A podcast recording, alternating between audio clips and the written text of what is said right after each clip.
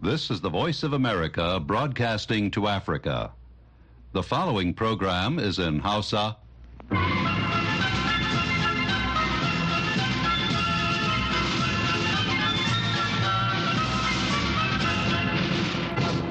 Sashen Hausa na muryar Amurka ke magana daga nan birnin Washington DC.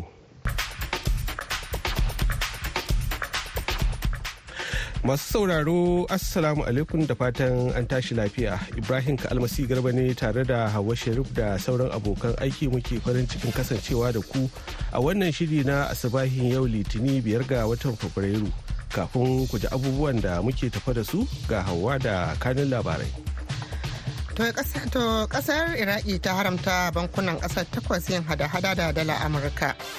Dakaran amurka sun ce sun kai wani harin kare kai a yammacin jiya lahadi kan wani jirgin ruwa ɗauke da makamai masu linzami. Hukumar ƙwallon kafa ta duniya fifa da ke birnin new york da ke birnin new jersey ta ce za a buga wasan ƙarshe na cin kofin duniya na shekarar 2026 ne a filin wasa na metlife da ke birnin new york a nan amurka.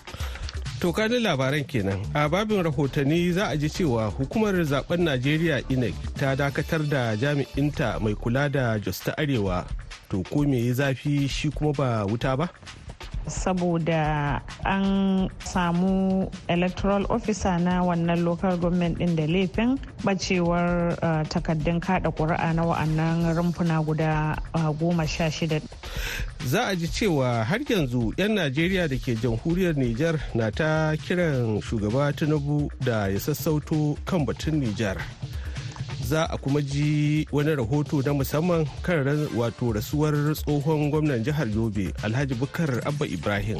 Kamar kowane asabahin ranar litini yau ma muna tafa da shirin ciki da gaskiya wanda sarfilo hashin gumel ke gabatarwa inda yau shirin zai ci gaba da taɓo batun damfarar nan da aka yi ma wani babban malami mai yawan taimakawa. Kafin nan ga kashi na farko na labaran duniya. Jama'a barkanmu da asuba ga labaran mai karantawa Hauwa Sharif. Dakarun Amurka sun ce sun kai wani harin kare kai a yammacin jiya Lahadi akan wani jirgin ruwan kaddamar da harin makamai masu linzami a wani yanki na Yemen da mayaƙan Hutu ke iko da shi. Sashen tsakiya na rundunar sojin Amurka ya ce harin ya afka akan jiragen kai harin makamai mai linzami guda huɗu da ake shirin kaddamar da su a ruwan Bahar Maliya. Wata sanarwa da ta fito daga setcom ta ce makaman masu linzami sun kasance barazana ga jiragen ruwan dakarun ruwan amurka da taragun ɗaukar kaya a yankin. Harin da ya shine na baya-bayan nan da sojan amurka suka kai akan mayaƙan hutu da iran ke marawa baya domin daƙile jerin hare-haren da mayaƙan hutun ke kaikaitar kan taragun jiragen ruwa da ke tafiya kan muhimmiyar hanya da ta bi ta kogin bahar maliya. Ƙasar iraki ta haramta wa bankunan ƙasar takwas yin hada-hada da dala amurka da ta ce ta yi hakan ne domin yi ma igiya tuƙa ga rage ayyukan damfara ɓoye kuɗaɗen haram da sauran amfani da ake da dalar ta hanyar da bata dace ba kwanaki bayan ziyarar da wani babban jami'in hukumar baitulmalin amurkan. An kuma haramta bankunan duba irin matakin da ƙasar iraki ke ɗauka a duk rana akan dalar ta amurka a babban bankin ƙasar wanda shine a gaba wajen samar da kuɗaɗen ƙasar waje a ƙasar da ta dogara ga shigo da kayayyaki daga waje wadda kuma ta zama wata cibiyar sa ido ga amurka a kokarinta na durkusar da fasakorin kudade zuwa makwabciyar ƙasar wato iran. Ƙasar ta iraq wadda ta kasance abokiyar ƙasashen biyu amurka da farisa wato iran tana da tsabar kuɗi dala amurka biliyan 100 killace kuma riƙe a amurka da ya sa iraƙin ta dogara matuka akan taimakon washington domin tabbatar da ganin ba a tushe dan abin da take tsakura daga kuɗaɗen shigar da take samu daga mai ba da sauran kuɗaɗen da take kashewa. Wata da wato takardar babban bankin ƙasar ta tabbatar da hukuncin da jerin sunayen bankunan da aka dorawa haramcin. A jiya lahadi magoya bayan jam'iyyar adawa suka yi taho gama da 'yan sanda a dakar babban birnin ƙasar senegal. Bayan da shugaba Macky Sall ya bayyana ɗage zaɓen shugaban ƙasar da aka shirya yi a ranar 25 ga wannan watan na Fabrairu har sai illa ma sha Allahu. Kwana guda kacar da soma yaƙin neman zaɓen wato kwana guda kaɗar da a soma yaƙin neman zaɓen Macky Sall ya tsoma ƙasar cikin halin rudani inda ya ce ya yi hakan ne sakamakon rikicin da ke tsakanin majalisar dokokin ƙasar da kotun tsarin mulki sakamakon kin amincewa da 'yan takara. Ana sauraron labaran ne daga nan sashen Hausa na murya Amurka a birnin Washington DC.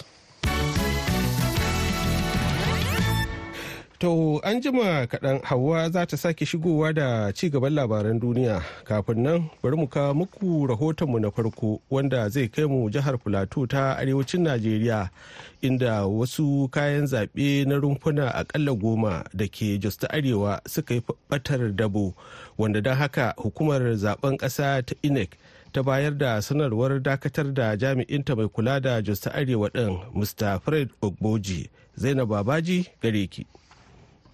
Hukumar zaɓe mai zaman kanta ta ƙasa ta dakatar da jami'inta mai kula da ƙaramar hukumar Jos ta Arewa a jihar Filato, Mr. Fred Ogboji, bisa zargin ɓacewar wasu muhimman kayayyakin gudanar da zaɓe. Hukumar INEC a wata sanarwa ta ce ta dakatar da jami'in nata ne don samun sukunin gudanar da bincike kan ɓacewar takaddun kada kuri'a na kujerar majalisar wakilai na shiyar basa da Jos ta Arewa a rumfuna goma sha shida na ƙaramar hukumar. Jami'a a sashen labaru na hukumar INEC ta ƙasa Zainab Aminu ta tabbatar da dakatar da jami'in don yin bincike. A hukumar zaɓe ta ƙasa mai zamar kanta ta ɗage zaɓe ne a rumfunan zaɓe guda goma sha shida da suke Jos North Basa Federal Constituency. Saboda an za iya cewa samu electoral officer na wannan local government din da laifin bacewar uh, takaddun kada ƙuri'a na wa'annan rumfuna guda uh, goma sha shida din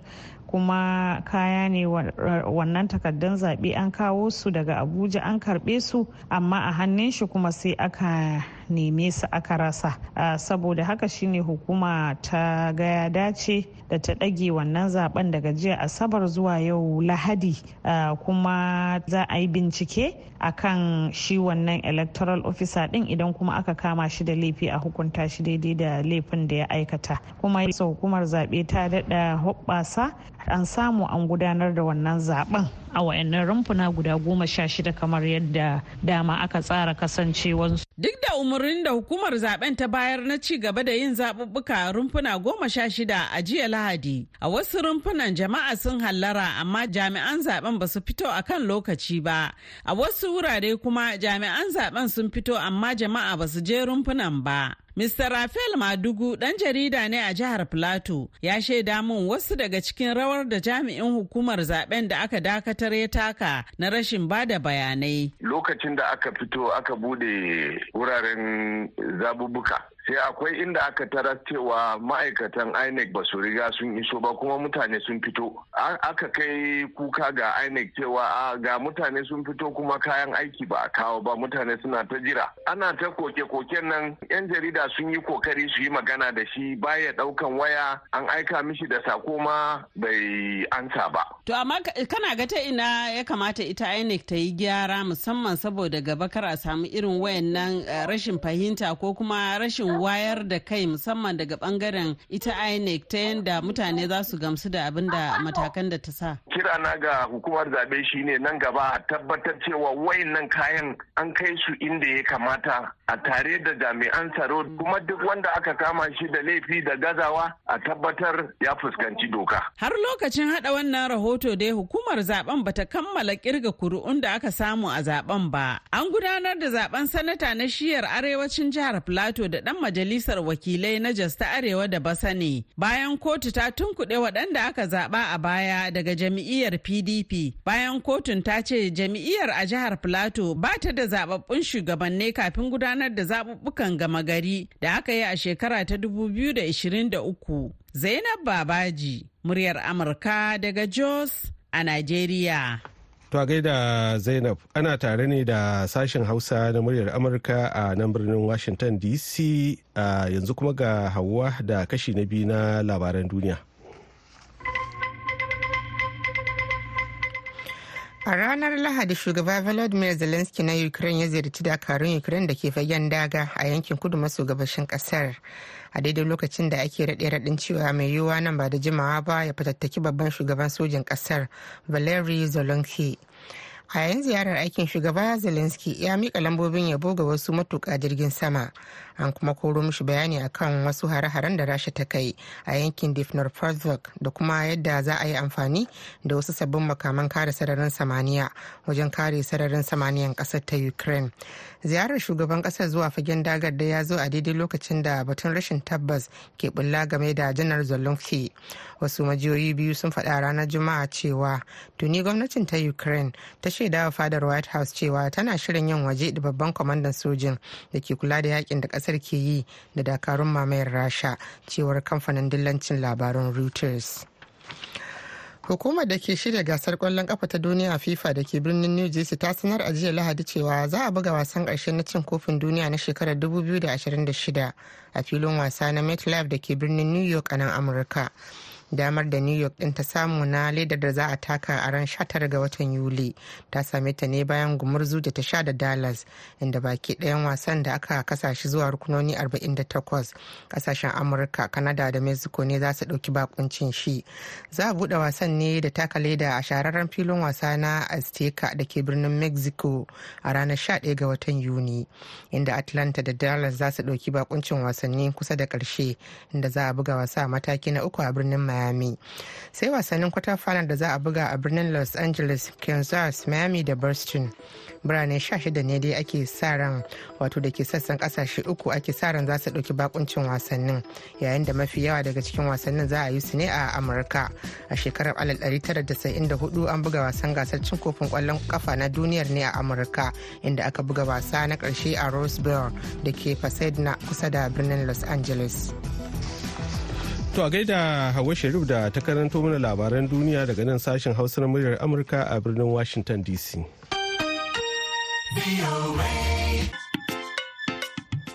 To yanzu kuma bari mu leƙa jamhuriyar Nijar inda har yanzu ake ta kiraye-kiraye ga gwamnatin Najeriya da ta sassauto game da takaddamarta da gwamnatin mulkin sojan ƙasar game da makomar ƙasar a siyasance.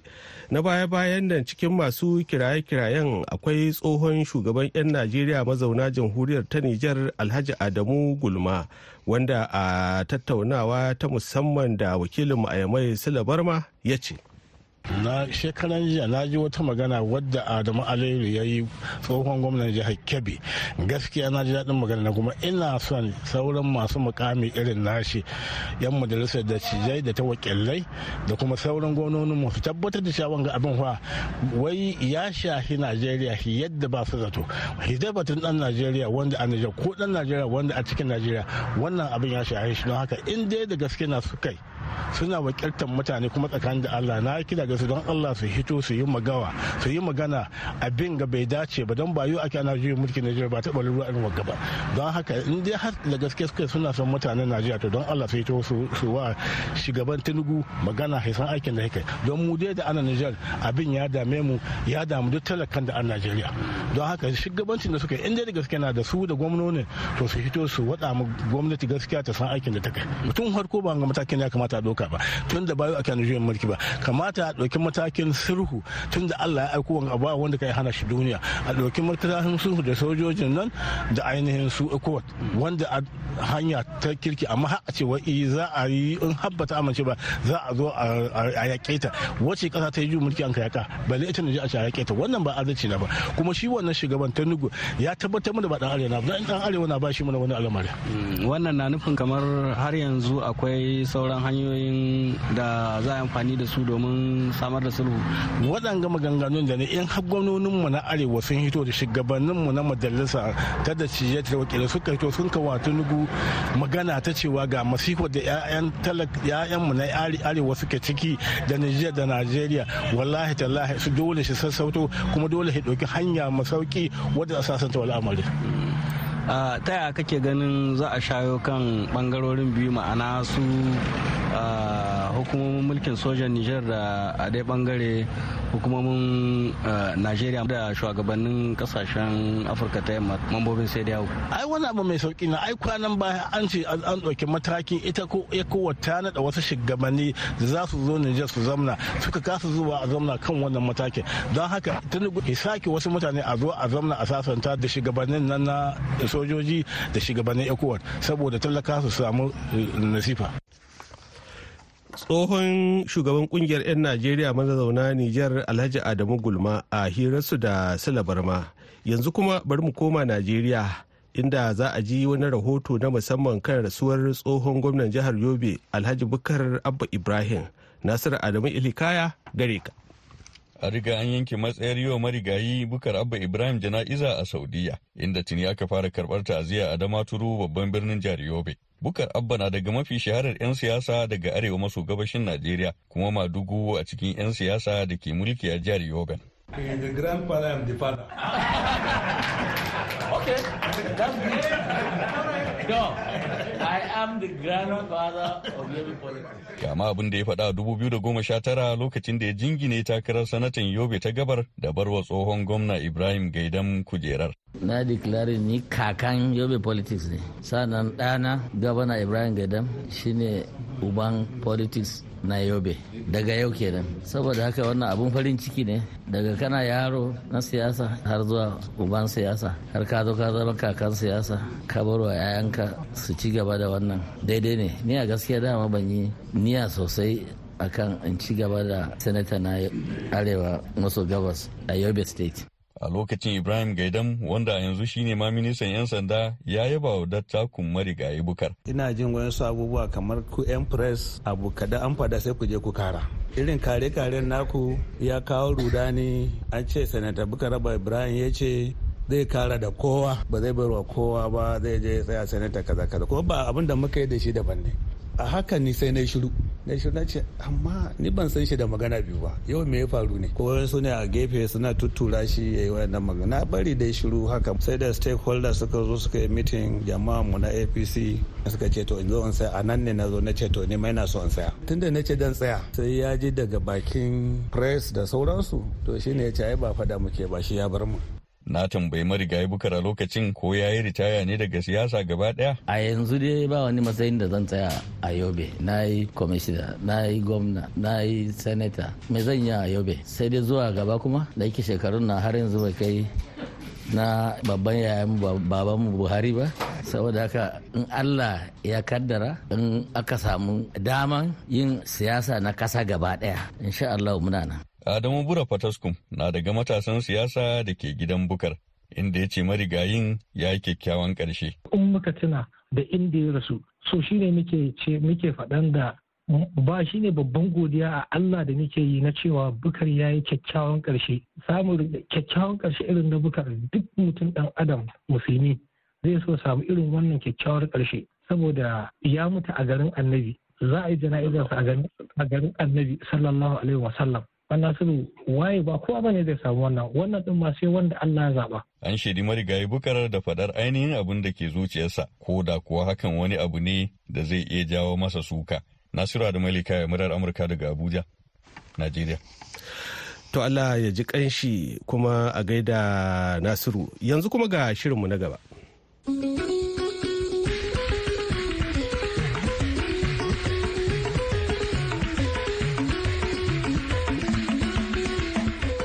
Jama'a salamu alaikum.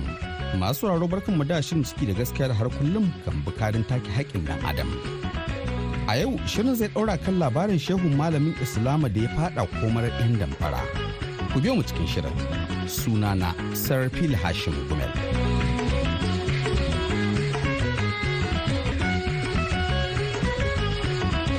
Idan wataƙila mai sauraro na biye da wannan shiri, mun fara kawo muku labarin babban malamin addinin Musulunci Sheikh Muhammad Kabir Ismail, wanda ya faɗa tarkon 'yan damfara da sunan za su sayar masa da lodin motocin shinkafa.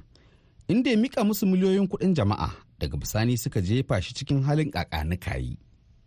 Barista Atiku Ismail, kanin Malam Kabiru ne, kuma a gabansa dukkan lamarin ya au. Alhamdulillah, salatu wassalamu ala rasulillah.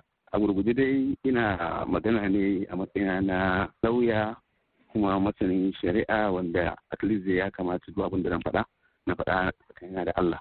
Malam kabir dai malami ne kuma sananne ba ma a iya zance jihar Najeriya ba. Sannan yana cikin harka ne na irin taimaka mutane sai wasu mutane suka zo masa da zummar wai irin yadda yake taimaka addini. Akwai harkan shinkafa za a dinga yin abin da sauransu. Ana ɗan kasuwanci haka. To da dai suka amfani da nasa da mutane iya da gida wanda ya kan zaba wanda ya kai halinta. Haka suka cinye gidan iya da gida. A madukaci a garin gombe suka cinye gidan. Iya da mota fosi suka cinye da dai sauransu wanda akwai mutane da dama wanda bayan gombe ba ne ma akwai wani ana kiransa mustapha da rewa da katsina mota ta yi guda shinkafa haka suka dambare shi suka cinye da akwai wani nan a jihar gombe ana kiransa alhaji umar kunji shi ma suka amfani da wannan dabarbarun suka sa shi ya karɓo kaya akan in allah da za a yi harka za a samu za a samu alheri nan na suka dambare shi. To wannan dai shine dai a daddake abin da sai da kaya da allah. Barista atiku yi mana bayanin wannan ya jawo har aka yankewa malam hukuncin dauri a gidan yari. Ya lamarin a shari'ance mai shari'a ta duba ta yanke wannan hukuncin ne. To ya kai ga an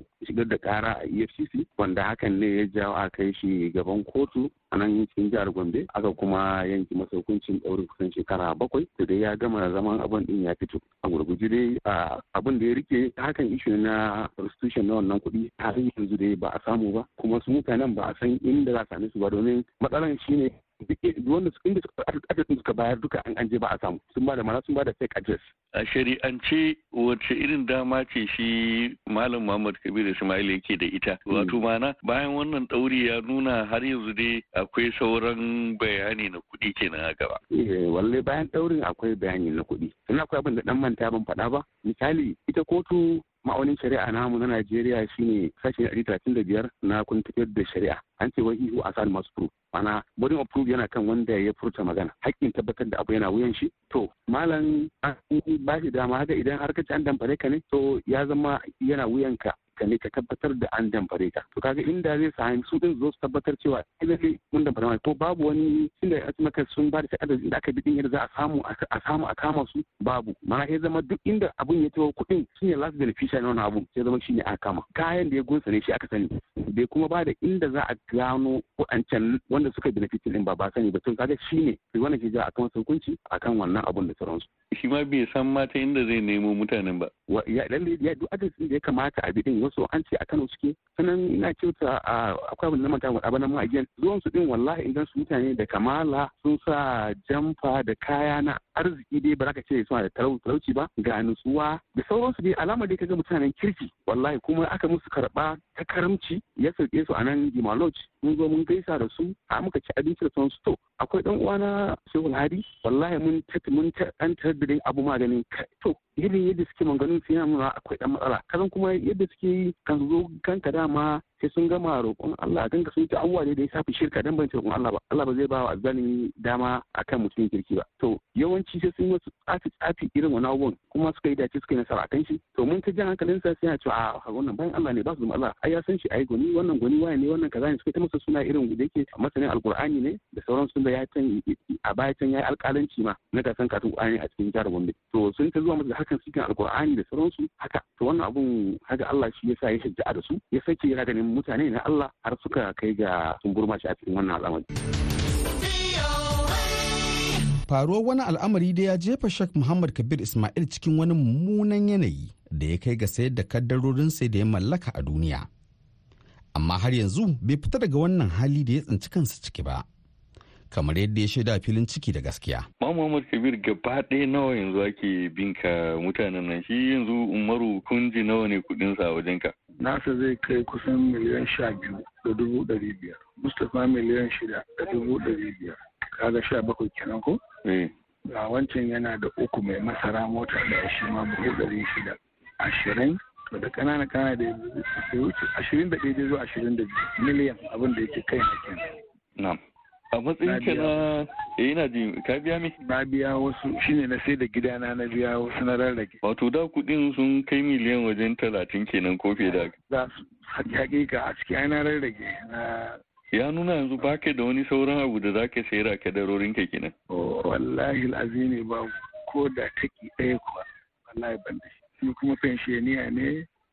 Titi na ma bai wuce miliyan biyu ba. In ma za a biya ni. In bai ma kai ba. Oh, Kabir daga wancan lokacin zuwa yanzu ya ya rayuwarka ta kasance bayan wacce gaddara da ta faru. Rayuwa kan a matsayina na almajiri a haka dai nake rayuwa. Fensho na dubu talatin da tara ne. Ina level 13. Ya shi na dogara sai Allah daga cikin ofarsa da yake yi wa bayansa. ‘Ya'yana goma sha biyar. Na aular da guda biyu, biyu maza sun yi aure. Sauran guda goma sha ɗayan nan da ni goma sha bakwai ko sha takwas. Mu sha uku nan haka muke. Tare a gida za a ci za a sha bai haka ta hanyar Allah da bayan Allah da suke taimako kamar yadda matar gwamnan Gombe ta aiko min da dubu ɗari bayan na fito sai mun gashi tana roƙon addu'a ga kuma taimako. Eh wannan shi gwamna na yanzu Inu Muhammadu Inu ya haya ko kuma tsoho shi tsohon gwamna.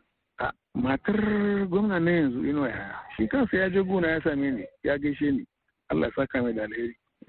Ya je gona ya same ni ya gaishe ni ya ce zai yi appeal na ce labai aka sake apil a halin da nake ciki ina tsoro duk da na ban san shari'a duka ba amma kar abun ya sa ne ta zama. Ya ce to shikenan Allah sauke. Ya aiko min da abinci gidana ya ba su wani dan kuɗi suka riƙe suka yi ce har Allah ya fito wata yanzu kuma dai ina ta ƙoƙari mu haɗu da shi shi ma in ji wani taimako zai min. Allah ya sa mun haɗu ba.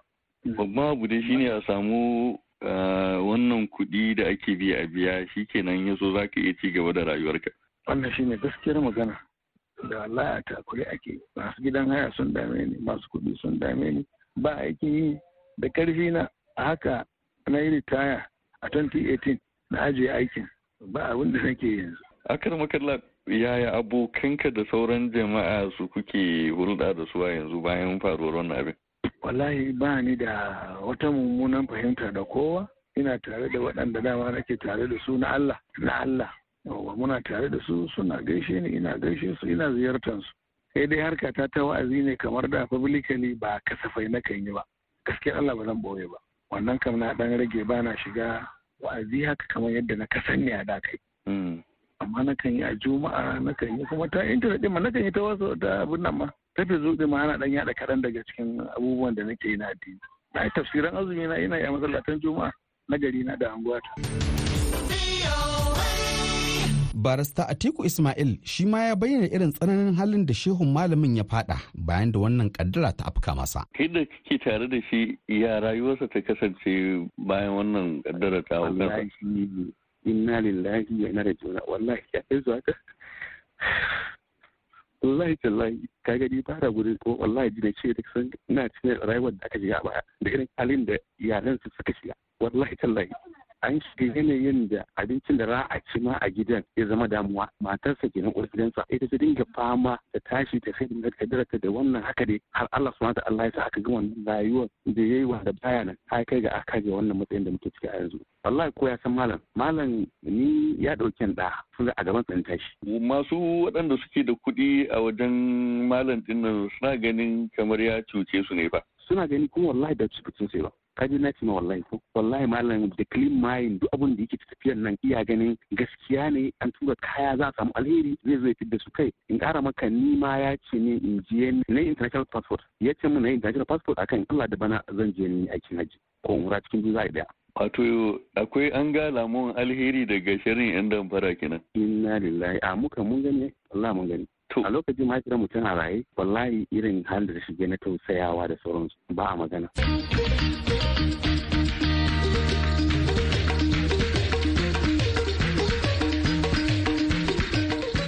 Allah ya kyauta ya kuma raba dukkan bayansa daga sharin 'yan damfara da azzalumai da masu mugun nufi. Idan Allah kai mako mai zuwa za mu ji daga bakin su kansu mutanen da kuɗaɗen suka makale a wannan harka. Masu sauraro sai a biyo mu cikin shirin mako mai zuwa domin jin yadda ta kaya. yanzu a madadin nasara da mai kaya da ya taimaka wajen muku wannan shiri ni sarfil hashin gumel ke cewa mu kasance lafiya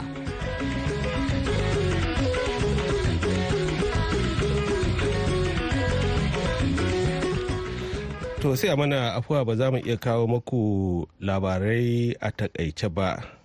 Masu sauraro da haka muka kawo ƙarshen shirmu na wannan lokacin amma idan allah ya kai mu da hantsi ƙarfe 8 agogon najeriya nijar kamar da chadi wato bakwai kenan agogon ghana za a sake jin mu. Yanzu a madadin hawa shirin wadda ta taya na gabatar da shirin da producer mu daji balawi sai kuma injiniya mu charleston ni ibrahim ka almasi garba ke muku fatan alheri.